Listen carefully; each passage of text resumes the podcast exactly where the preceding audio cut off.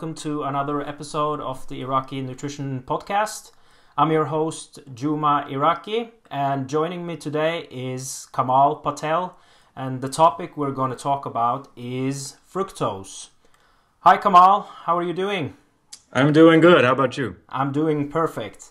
Thank you so much for agreeing to do this um, podcast. And before we go into the questions, uh, for people that might not know you, could you give us an introduction about yourself?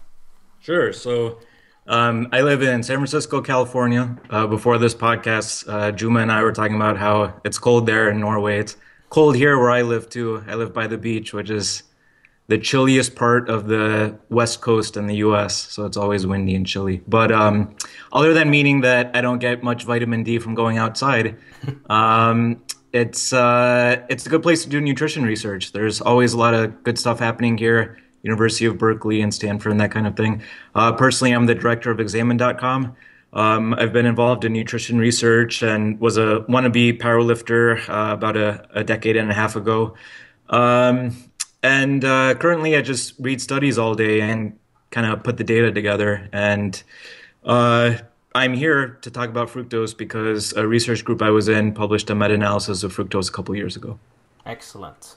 And I'm really looking forward because this is a topic that there seems to be a lot of uh, misconception in regards to um, fructose. So I'm really, really looking forward and I really appreciate that you are taking the time to do this podcast. So can you briefly just explain what, what fructose is for the people that might not know what we're talking about? Sure. So um, everybody knows sugar. Sugar is sucrose, a disaccharide. The three main monosaccharides um, that make up other sugars are glucose, fructose, and galactose. Um, so fructose looks just like glucose. It's a it has six carbons, so it's a hexose sugar. Um, DNA is a pentose sugar. I don't know if anybody watches Game of Thrones, but I think Pentos is on there as a as a city in the east. Um, but pentose sugars don't come up much in nutrition because we can eat DNA and it might actually have some health effects, but we don't eat it in great enough quantities. In contrast, we eat a lot of glucose and fructose, which is why it's it's such a hot research issue. Um, so, fructose differs than glucose in that uh, just in one spot, um, it's got a, a, keto group attached to the carbon instead of uh, aldehyde group. Um, and because of the slightly different structure, even though it has the same molecular formula, it has different functions in the body, completely different. So, glucose is essential. Um, that's kind of skirting the issue that some uh, some people, even researchers like Tim Noakes, um, do a lot of athletic activity under ketogenic diets and don't really use glucose much either for uh, fueling their muscle or brain. But for 99.999% of people, glucose is essential. And if you get less than around let's say 50 grams of glucose a day, you're going to start running low and uh, either burning some muscle, um, using some fat byproducts, or you know what have you. If you get below 100 or 150 grams of glucose a day, uh, then you might have more kind of subclinical issues over time. So glucose is essential. We've established that. Fructose is not essential for anything. Um, fructose does uh, provide fuel for your sperm to swim. So sperm motility depends on fructose, but I don't think you have to eat fructose for that to happen. Um, and actually, there's not a lot known about uh, fructose health effects. You might think because there's been so many studies that that everything is known. It's not true. In fact, um, when we were doing our research, uh, some kind of physician focus groups we talked to either didn't know much about fructose or sometimes they would you know hear the word fructose and they wouldn't even recognize it. Like oh is it fructose? Is it fructose? Is it fructose? Um, you know people know a lot about fats and glucose and starch but not a ton about fructose. So um, i guess we'll talk more about uh, how fructose is dealt with in the body a bit later on but the key point is that we have to have a constant low level of glucose in our blood and not only do we not have to have a constant low level of fructose in our blood, body doesn't want us to have fructose in our blood. So it's completely different. The only other place you'll really see fructose is um, fructans are chains of fructose that are um, sometimes not well digested by people, uh, but also can beneficially fuel um, certain uh, bacteria in the gut. So for some people, certain types of fructans um, like FOS, um, are good for you, and for others, it causes stomach upset. Yeah, yeah, and that's um, a recent podcast that I actually did uh, with uh, Cassandra Forsythe, where we actually talked about irritable bowel syndrome and uh, FODMAPs, where we go into this kind of thing. Oh, good segue. She's in our she's on our advisory board, so yeah, great. Consult her. Okay, so could you also give us some like what are the major sources sources that we have for fructose because a lot of people when they hear fructose they automatically thinks that fructose is only in fruits because of the name mm-hmm. so um, fructose actually has a fairly interesting history in that uh, a lot of the things that we eat nowadays are things that either didn't exist before in the diets of sort of Western people, or they're in much different quantities than before. So there was this link going around on uh, Facebook a month or two ago about the changing American diet, and I think it applies to all European and American um, or North American countries. So, uh, for example, wheat is not categorically a bad food. You know, um, gluten uh, depends on dosage, like everything, but um, wheat is not categorically bad. But wheat is different. Our modern wheat is different. Plus, um, I don't remember the exact number, but the the modern Western intake of wheat is somewhere around 130 pounds a year, um, which is a ton because it was like a tenth of that, you know, a couple centuries ago. So similarly, uh, fructose comes from fruit originally and honey. Those are really the only two sources. Now, honey was always a prized food throughout humanity. Um, you know, bees try to guard their honey, but they can't outsmart us. So we'll always get honey when we can. We'll cultivate bees when we can, except they're dying off now. Um, and then there's some controversy about fruit. Originally, people said, uh, you know, we ate a lot of starches and not a lot of fruit because we diverged from monkeys who are fruit eaters and we became these meat and starch eaters. Um, and then the fruit that was available back when was not very sweet. Uh, you know, and the fruit that we eat now is cultivated to be sweet, so it has a lot more sucrose and fructose. So uh, then the views kind of changed, in that people said, well, you know, think about what fruit is. Fruit wants to be eaten, you know, so it can spread its seed. And there are naturally sweet fruits in places that are not cultivated, like in Africa, for example. So I think the truth is kind of between those two extremes. Um, so some types of fruit, like mango, um, they have been cultivated a bit, but they're, they've always been extremely sweet. Um, on the flip side, there's things like strawberries. So, like the modern strawberry was originally cultivated in France, uh, northwestern France, in Brittany, and it was a combination of a strawberry from I think South America or something, and some other strawberry, and it created a much sweeter strawberry fruit, much bigger and plumper and juicier as well. So if you take an older strawberry and eat it, you'd be like, you know, this this is the worst strawberry I've ever eaten. Whereas if you take a modern strawberry, most people love modern strawberries. So um, I think we do get even more fructose from fruit than we used to get from fruit but that isn't to say that people didn't eat much fruit before because we have a, a fairly um, low threshold for detecting sweetness on our tongue. So, like, uh, you know, everything that we eat and find that tastes good has a reason. Um, you know, obviously, the reason that what, why sweet tastes good is because it's a fuel source. Uh, but the reason why savory tastes good, the reason why MSG tastes good is because it's an indicator of amino acid and protein availability. Um, so, you know, MSG, glutamate usually is not a bad thing unless you're hypersensitive for a reason. And everything is like that. So even like steak tastes different than chicken because steak has amino acid, steak has more minerals than chicken does. Um, so calcium, mineral water has a different taste than tap water. Anyway, that's getting tangential off of fructose. But the point is, is that um, we've always gotten some fructose in our diet, but we get a lot more now. Uh, but the source is not fruit or honey; it's table sugar or high fructose corn syrup. Excellent. And how? Uh, let's go a bit deeper into how the body actually handles fructose compared to glucose, because there's a major difference there. So, could you please explain how fructose is metabolized in the body compared to glucose? Sure. So um, we get glucose from everything, you know, whether it's called glucose or not. At the most basic level, uh, I don't know if, if any of your well your podcast listeners are fairly advanced uh, compared to most podcast listeners, so you probably know uh, dextrose um, is the form of glucose that you can extract from like grapes and corn and stuff.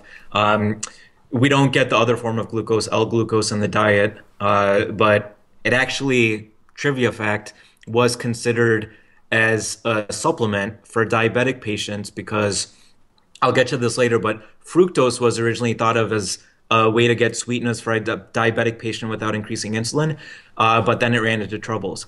Glucose, you know, is just what we eat anyway, but instead of dextrose, the L-glucose form is sweet on the tongue, but we can't digest it pretty much at all, so you just, you know, poop it out. So um, it would seem to be perfect as a way for diabetic patients to get sweetness without calories. Um, and it's obviously not toxic like uh, maybe some other artificial things are, but uh, it's super expensive to produce. So in the next few years, at least, it won't be used. Fructose and glucose are uh, both metabolized and absorbed and digested differently. So glucose, um, it's either cleaved off from um, starch or it's in a disaccharide of glucose and fructose, or a disaccharide of glucose and galactose and milk. Um, and then glucose goes through the intestine or through the um, enterocyte and the intestine, uh, and then it goes through the portal vein into the liver, and then some portion of it, let's say twenty percent, or maybe you know give or take five percent. Um, once it goes to the liver, goes into the liver cell, the hepatocyte and then the rest of the glucose just you know gets rushed away in the blood. So the stuff that goes into the liver cells uh, that's called first pass metabolism. And glucose is not really subject to much first pass metabolism because only that 20% or so goes into the liver cells. The rest gets you know rushed away in, in normal blood. So then the glucose undergoes a few steps to become energy um, three steps specifically. And all of those steps have feedback mechanisms so that when you eat stuff that has glucose, then any of those three steps can be in- inhibited if the body senses that it's getting too much glucose. So, really, glucose matches your energy requirements. Glucose in the liver, that is. Fructose is not attuned to your energy needs. So that's the main difference between glucose and fructose. Um, glucose escapes that first mass, first pass metabolism in the liver Fructose does not at all. The liver wants to get rid of fructose ASAP. So um, I think there's actually maybe been studies that show that fructose increases body heat a bit, um, you know, like temporary metabolic rate. And I'm hypothesizing the reason is because the liver really wants to get rid of it because it's a bit of a metabolic, not a poison, because things like uh, dinitrophenol, DNP, those are metabolic poisons, and that when you eat stuff, it gets converted to heat instead of fuel. Fructose is just not a really super intrinsically healthy thing. So um, when it goes to the liver, it gets all metabolized by the liver. Um, so when it gets into the liver cell, then there's two steps for it to become energy, and neither of those enzymes in those steps are regulated by how much you're eating or your current energy intake or anything like that. So that means that the fructose that you eat, it's not regulated at your liver, and it's actually doesn't do so well at your gut either in your intestine. So, um, fructose in uh, one particular study, uh, even in healthy people, more than half of them had issues absorbing more than, let's say, I don't remember if it's 30 grams of fructose or something like that. So the con of that is that if you're eating a ton of fructose, then it's probably going to sit in your gut a bit more, um, and then your bacteria will feed on it, which isn't necessarily a great thing. The not as bad thing is that usually people don't eat free fructose. Uh, they eat it in the form of sucrose along with glucose, um, or even fruit. Like a, a, piece of fruit might have 50% sucrose, 25% free fructose, 25% free glucose. So basically, the end result is it's 50% glucose, 50% fructose.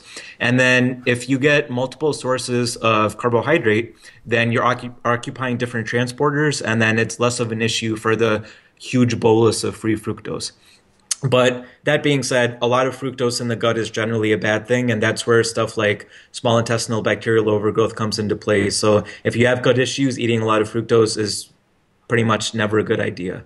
So once the fructose is in that liver cell, then the liver cell wants to get rid of it, and it will create energy. So it'll either create ATP, um, it'll shunt the fructose into glycogen storage, or it'll make lactate um, which will then go into muscles to be used as fuel. Um, the fructose in and of itself cannot be used by the muscles as fuel. So um, when athletes eat fructose, it's not really to um, increase stores of glycogen in muscle or anything like that. Um, and then a very small percentage of the fructose in the liver cell becomes fat through a process called de novo lipogenesis. Excellent. And a little bit back to the topic because you said that fructose was marketed towards uh, diabetic patients because of the lower insulin response compared to glucose. And I remember that when uh, there was a real push for this in, in the industry, that you had a lot of these fructose uh, packages that was marketed towards diabetic. But what started the, the fear of uh, fructose consumption? Because, like you said, we like theoretically it wasn't a, a, good idea to substitute the glucose for that population but then mm. people started to run into problems so could you please explain what actually what of the concerns that actually popped up? So uh, there were research concerns when fructose started to be um, seen as a potential aid for diabetic patients and then studies didn't really pan out. But i think the main things that started fructose phobia were um, you know, number one, I'd say is uh, Robert Lustig is a great researcher. He's a smart guy, but his YouTube video got, you know, I don't know how many millions of views, and uh, it was not totally evidence supported. Um, and it was a continuation of in the 80s there was this book by uh, John Yudkin, uh, Pure White and Deadly, about how sugar is bad. And then fast forward 15 or 20 years, and then now we have the internet, and everybody who's interested in nutrition sees this video by Robert Lustig. Um, that's uh, talking about all the bad things associated with fructose and how it's basically a poison. So my personal viewpoint is somewhere in between. So this isn't a dichotomous variable. It's not that fructose is bad or it's good. So um, industrially made trans fats are bad. Um, uh, some things are good in certain doses. Everything else is in between. Fructose is squarely in between good and bad. So um, the video, the Robert Lustig video, uh, shows all these possible bad things from fructose. Um, and then people at the time were really getting onto low carb diets, which is the second factor. So when you combine the Robert Lustig type thing with people getting on low carb diets, because the 80s was all fat phobia.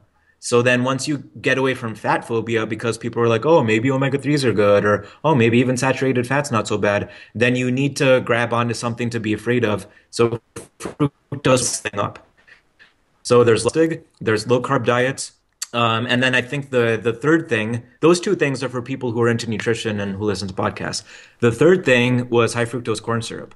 So high fructose corn syrup uh, started to be used more and more in the 70s, and then 80s was huge um, and then 90s, it's just kind of normal to use fructose, high fructose corn syrup because it's cheaper. So only countries like you know Mexico use sugar in their Coke, um, and then a lot of other countries use high fructose corn syrup. So it's uh, the corn industry realized their mistake way too late and started calling it corn sugar but um, they already kind of screwed up and called it high fructose corn syrup, which is a misnomer because it's not high fructose. It's generally about 55% fructose, uh, whereas sucrose is 50% fructose, so not much different. Um, and then it's just a long name. You know, when uh, when you want to get people scared of something, you make the name long. Like, uh, you know, uh, fats or fatty acids don't sound so bad, but mono and diglycerides sound bad. Uh, corn sugar doesn't sound bad, but high fructose corn syrup sounds bad. So high fructose corn syrup is not bad. It's not really any different than sucrose. Um, you know, the it is free fructose and glucose, but those don't act differently in the intestine. And really, the thing that matters is what happens when they get to your liver, which we already talked about. So Lustig, um, low carb diets, and high fructose corn syrup was a perfect storm, and that's really what caused fear of fructose. Before then like I said before, it was basically all fruit, and uh, I don't think the internet, you know, and and kind of writings were around back in the 16th and 17th century, but I think there maybe was a, a bit more kind of grandparents' fear, like don't eat too much sugar, because around that time, um, beverages started having sugar. So before the 16th and 17th century in Europe, you would get sugar from fruit, and that's it, because there weren't a ton of honeybees around. Uh, but then when tea, coffee, uh, and then eventually chocolate and cocoa started being imported from um, the West, then you need to sweeten those things up or else they taste like crap. So when you sweeten those up with sugar and then the trade routes start making it so that you can get sugar cane from India, then sugar consumption went way up. So that was the first spike in sugar consumption, beverage sugar. Um, and then it took another two to three centuries to get the the huge increase in sugar from the ability to combine sugar with processed food. Um, and I think that's about as high as the sugar intake is going to get because you can't get much more sugar without just feeling really crappy in your intestine and then you know it's bad. So this is we're at the peak I think right now of fructose phobia and fructose consumption. Excellent. And is there a is there a is there a limit that people recommended that people shouldn't go above in regards to fructose consumption?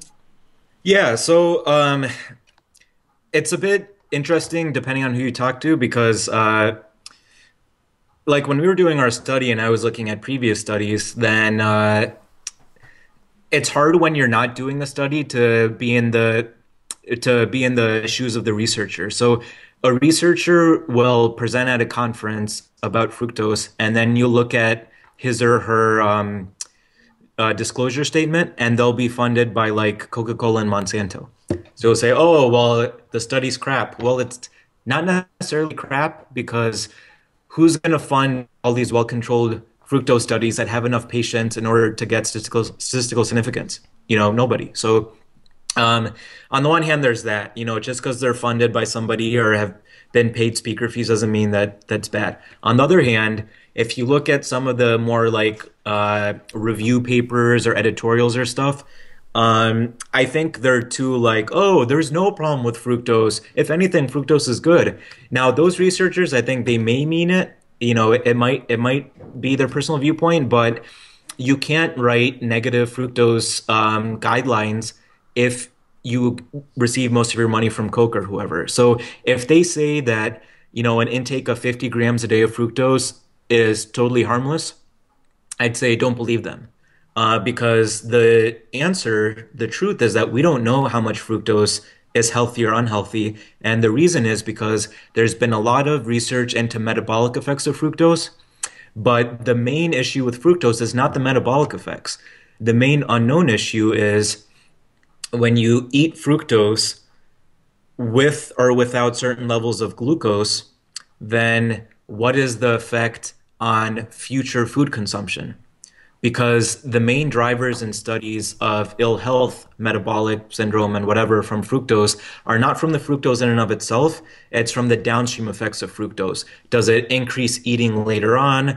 Does it have some uh, insulin sensitivities, sensitivity issues in the liver over the course of months? It's never over the course of weeks. So, um, even a pretty big dose of fructose, like 80 or 100 grams, isn't that bad over the course of a month. It's really over the course of many months, and those trials just cost too much. So I'd say, um, so the the current average intake of fructose in America is, I think, around 55 grams a day. So uh, that's a moderate amount, but it's not as high as you might think. The issue is that that masks variability on the top end, like the the top quintile or whatever um, those people are eating like 80 grams, you know, 90, even 100 grams of fructose a day. That's enough to match the fructose overdosing studies. So those people are screwed because they're going to get fatty liver, they're going to have intestinal problems, their um, their body's eventually going to shut down as they get older. So um, I'd say a, a kind of safe range might be 20 to 50 grams. Um, and you shouldn't have fear if you eat around 30 grams. That seems normal to me. Okay, excellent. A follow up question to that is like uh, we talked about the amount, but there, is there a difference if you, for example, consume it from fruit compared to pure fructose form? Yeah, there is. So, um, as far as I've seen, there's never been a study linking fruit to bad health. it would have been like an in vitro study or something, but no real clinical trial over weeks or months. And that's because of a few things. So, you know, they always say, um, you know, fruit's good and juice is bad. Don't feed your kids juice or else they're going to get dental caries and they're going to get diabetes and whatever. Uh, like most pieces of nutrition advice, that's false because juice is not intrinsically bad. Um, it's be- it's because it's f- from fruit that it's not nearly as bad as even a higher dose of sugar from Coke. And the reason is that um, when you look at studies of like orange juice, now granted, most of these are funded by the orange juice industry, but I don't think they're that evil. So the orange juice that you drink, um, it's been shown to, in moderate amounts, decrease the amount of endotoxin produced by bacteria in your gut, which is extremely important because that endotoxin, um, aka LPS, aka lipopolysaccharide, um, it's bits and pieces of the bacteria uh, in your gut that generally you don't want around and causes inflammation and then bad stuff later on. So orange juice, if taken with, you know, like a steak or something, not that I'm saying you should eat steak with orange juice, although that could taste good maybe for breakfast.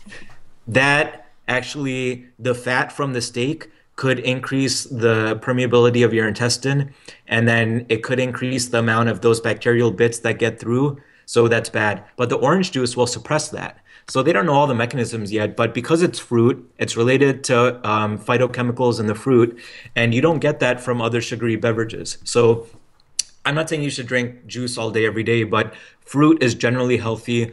Overdoses of fruit are not really ever seen. Um, and the people who should watch out for fruit are the people with intestinal issues not the people with metabolic issues. The people with intestinal issues need to watch out for the fruit because of the fiber um, because you can never be sure what types of fiber your gut bacteria, your personal gut bacteria like and they don't like. So you should titrate up your dose of fruit if you have intestine issues. Otherwise, you know, eat fruit till the cows come home. Excellent. Yeah, because uh, I think this is a very good um, thing to talk about because people, when they hear fructose, it the fear made people eat uh, like eliminating fruits from from their diets, but they didn't really eliminate the other sources to fructose that we have in our uh, our diet. But if like hypothetically, if we were to say like the upper limit is 30 to 50 grams of fructose a day, if you were to consume that from fruit, how much fruit are we talking about? Um, you know, the studies that uh, look at different doses of fructose in health, that's kind of where I base this 30 to 50 from, which I'm not sticking to. I'm just throwing that out there. Fruit uh, there's people who, you know, probably some of your readers have logged all their food intake, you know, on MyFitnessPal or Cronometer or whatever to see what the fructose adds up to. I think you can eat, you know, tons of fruit and still be healthy because it doesn't affect any known parameters. So it doesn't negatively affect blood sugar, doesn't negatively affect lipids, um, doesn't negatively affect body weight. It's possible that if you eat only fruit, that you'll get too much triglyceride because triglyceride is the one thing that you can reliably increase by eating fructose. I think uh, the lowest doses that have been seen are maybe 40 grams or so, um, and it increases triglycerides a lot more in heavier people than it does in lighter people. But still, that is that's the one thing that could possibly happen. But with uh, with other people, so males and females who exercise, along with all premenopausal females, fructose is fairly beneficial um, because those people tend to have good results from clinical trials much more so than older people or men who don't exercise. So when you metabolize fructose and you're somebody who exercises, like I said before, that lactic acid can be used by your working muscle. So then the liver is not so worried about your fructose that you eat. And that can improve physical performance, so that's good for you as well. Um, and another thing is that fructose is much better at uh, contributing to glycogen within the liver than glucose is. So if you're using up your glycogen and you want to refuel your liver, um, then it's great. You know, eat, eat a bunch of fruit if you can handle it. And even other than those two groups of people, um, this is kind of a touchy issue because people with uh, blood sugar issues, especially people with advanced type 2 diabetes, need to really control their blood sugar or else they'll have bad stuff happen. But uh, if you eat a certain dose of fructose, I don't remember what it is, 30 grams or something a day, and you have poor blood sugar regulation, then you can get about a 0.5 uh, percent reduction in your HbA1c. Now, that's not 0.5 percent. This is 0.5 out of like your HbA1c is 6.2, you know, minus 0.5. That's a huge absolute decrease in HbA1c. And that's just from eating enough fruit to provide a catalytic effect of you know then you're not just eating glucose you also have other transporters working um, and you don't have of high of insulin increase after meals so you get that benefit for HbA1c without having the adverse effect on triglycerides, without having increased body weight, without any of the other bad stuff. So fruit is almost universally a good thing. Interesting. So to um, to, to, to sum it up a bit, you, you mentioned that you did um, a, a meta-analysis on fructose, and I think it also was um, high fructose corn syrup consumption in yeah. regards to um, uh, liver health. Could mm-hmm. you could you please explain what uh, what your findings were in that study and what you were what you were looking for? Sure. So we wanted to look at high fructose corn syrup, free fructose and sugar sweetened beverages. So those are the main things that contain fructose. And then see what their effect was on liver health.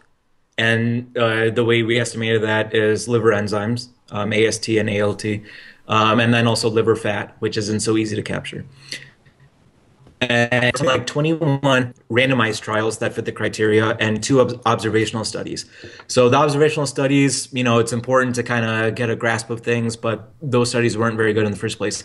Out of the randomized trials, we found some decent amount of evidence that linked overfeeding of fructose to worsen liver health and increase fat, but only in the context of overfeeding fructose above and beyond your normal calorie intake.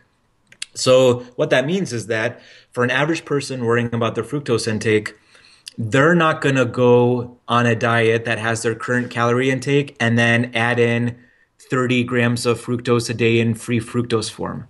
They're going to eat fructose with meals. Um, now, some of the studies did look at sugar and sugar sweetened beverages and stuff, but you really have to eat a lot more fructose um, in order to get uh, bad physical effects. Now, that isn't to say that fructose is not bad. It's just the evidence was not very high quality.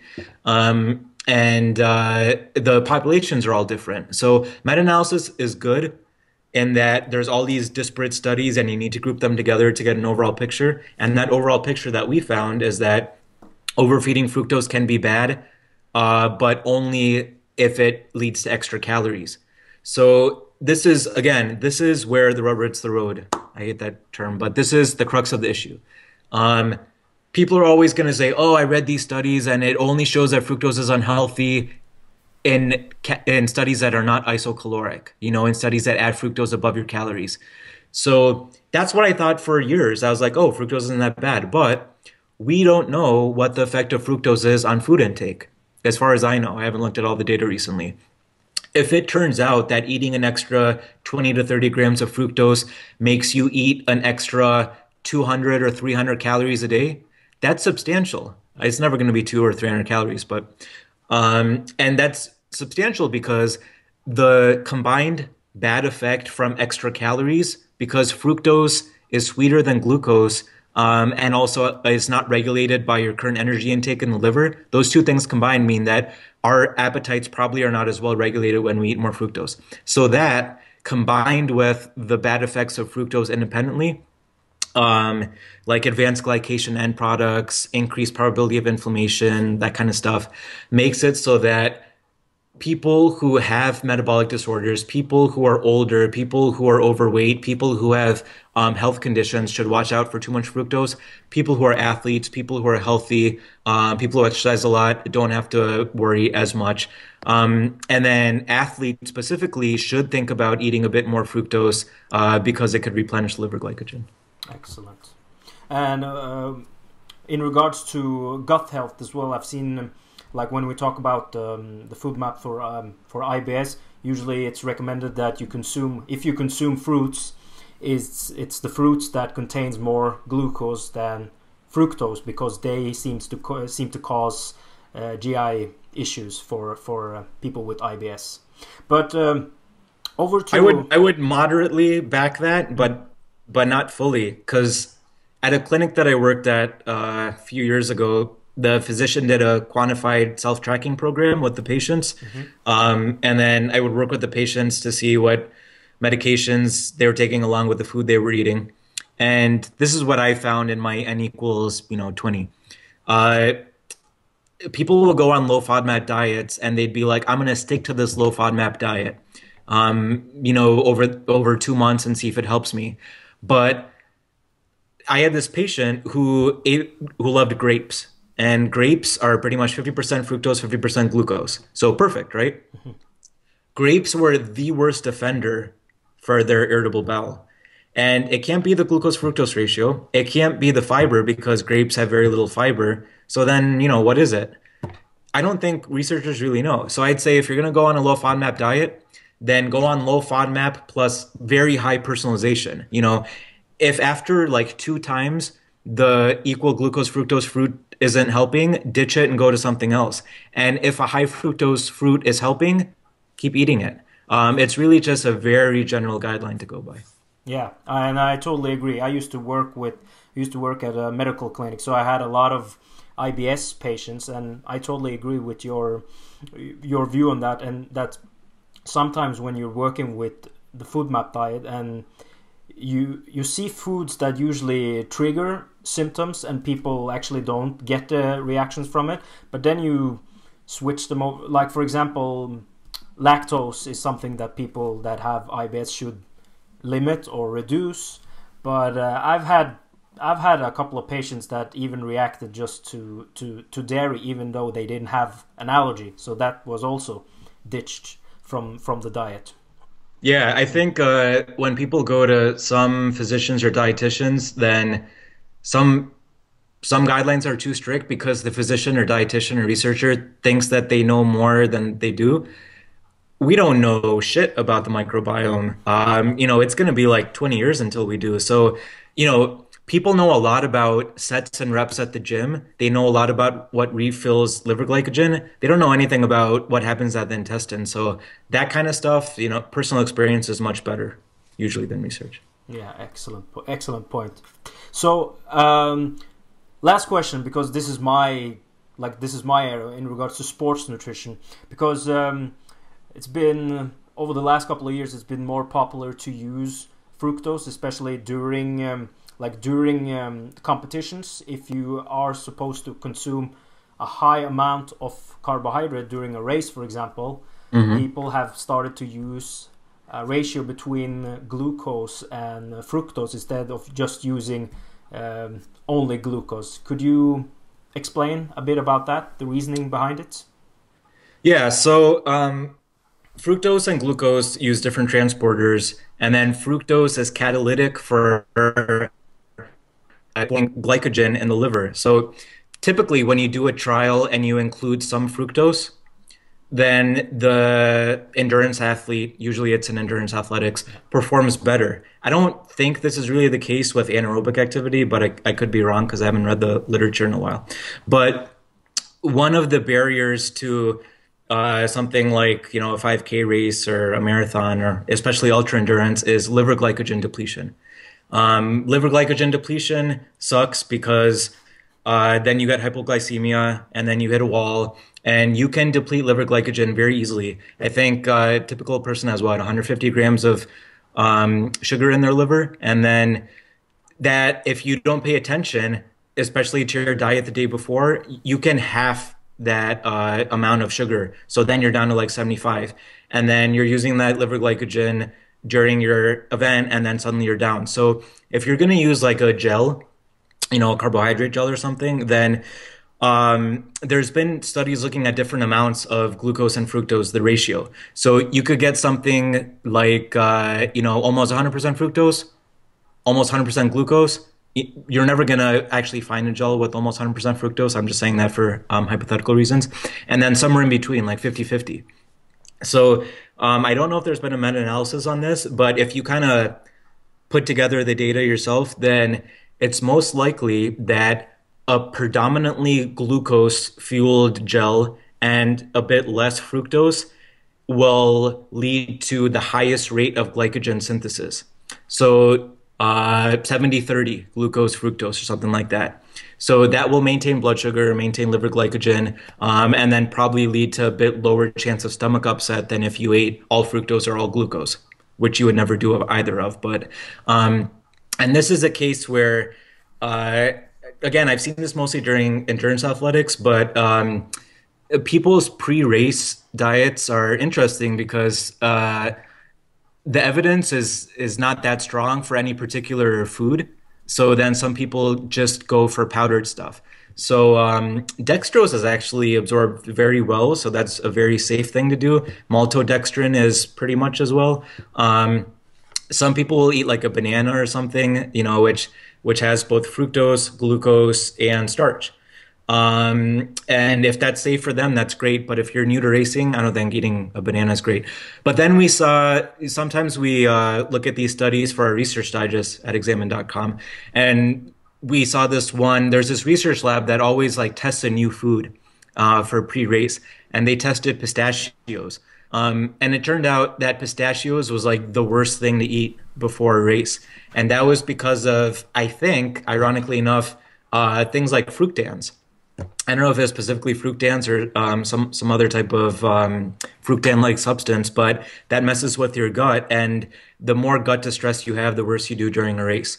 So it's probably equally important to refuel your liver and make sure that you don't have stomach distress during your athletic activity. Yeah, I totally agree, and this is a area that I focus a lot with my endurance athletes. That we try to find a strategy for foods that do- doesn't cause um, stomach upset and we usually do this in in training we don't do it for the first time in competition but because yeah. some sometimes you you eat stuff during your uh, your season out of competition and you don't react to it but because of stress and the nerves and stuff like that things starts to mess up in the system um, so we try to do all the testing before competitions that's really smart. I actually haven't seen that much, but uh, you know, people go off of clinical trials a lot of the time, but like those conditions don't match the conditions of a given person. So you really need to test something out in a competition like state. So yeah, very clever. Yeah, we always uh, we always do that, and, and one of the strategies that we actually do is lower fiber intake uh, a couple of days in advance. We usually lower uh, like dairy, lactose containing dairy products. We try to eliminate that, and we also uh, pay attention to to um, like fructose and stuff like that because that hmm. also seems to cause problems. And another thing is like the source of caffeine because I have some athletes that can handle high amounts of caffeine in in supplement form, but as soon as they start to uh, consume caffeine from beverages like coffee, for example, they start to get some symptoms from that. Yeah, so, you know, I, I, uh, we were writing something about caffeine a couple years ago, and I saw there was a, a, paper talking about potential mechanisms for why you have to. Some people have to poop after drinking coffee, and uh, I think the guy said that um, they had always thought that it was purely the caffeine, but it turns out it's probably the caffeine plus other stuff in the coffee. Um, and you can't replicate that stuff in a supplement. So, you know, people will think, oh, uh, you know, if, if I take my NoDoz or whatever other caffeine supplement, I'm fine. Then they drink coffee before a race, and then within 20 minutes they have to poop, and they're screwed. So, um, yeah, supplements versus food. That's a pretty interesting topic. Yeah, uh, excellent. Uh, the the one thing that I wanted to mention, uh, a follow up uh, in regards to fructose consumption during exercise, is that this is a topic that has been like um, misunderstood in regards to sports nutrition because if you're um, if you're going to consume up to 60 grams of uh, carbohydrate per hour it doesn't really you, you don't necessarily need to add in extra fructose but it's when you go from 60 and above like from let, let's say you're going to consume 90 grams of carbohydrates during an endurance race that's mm-hmm. where you actually can see a benefit from using uh, a two to one ratio between glucose and and fructose because you can metabolize six up to 60 grams an hour of glucose but it's above that where it's uh, the the transporters get saturated. So then you can add in fructose and you can take more advantages of that. I think Jeukendrup did a study and the highest amounts that you Yeah. could oxidize was 78 grams an hour.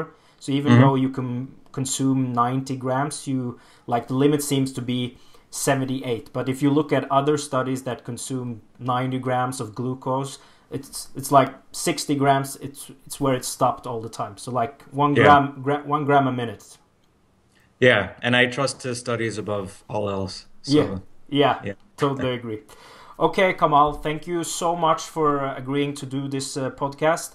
Could you please just tell us where people can find more information about you? Yeah, so uh, you can go to examine.com and just send me an email through the contact um, link there, and I respond to all emails.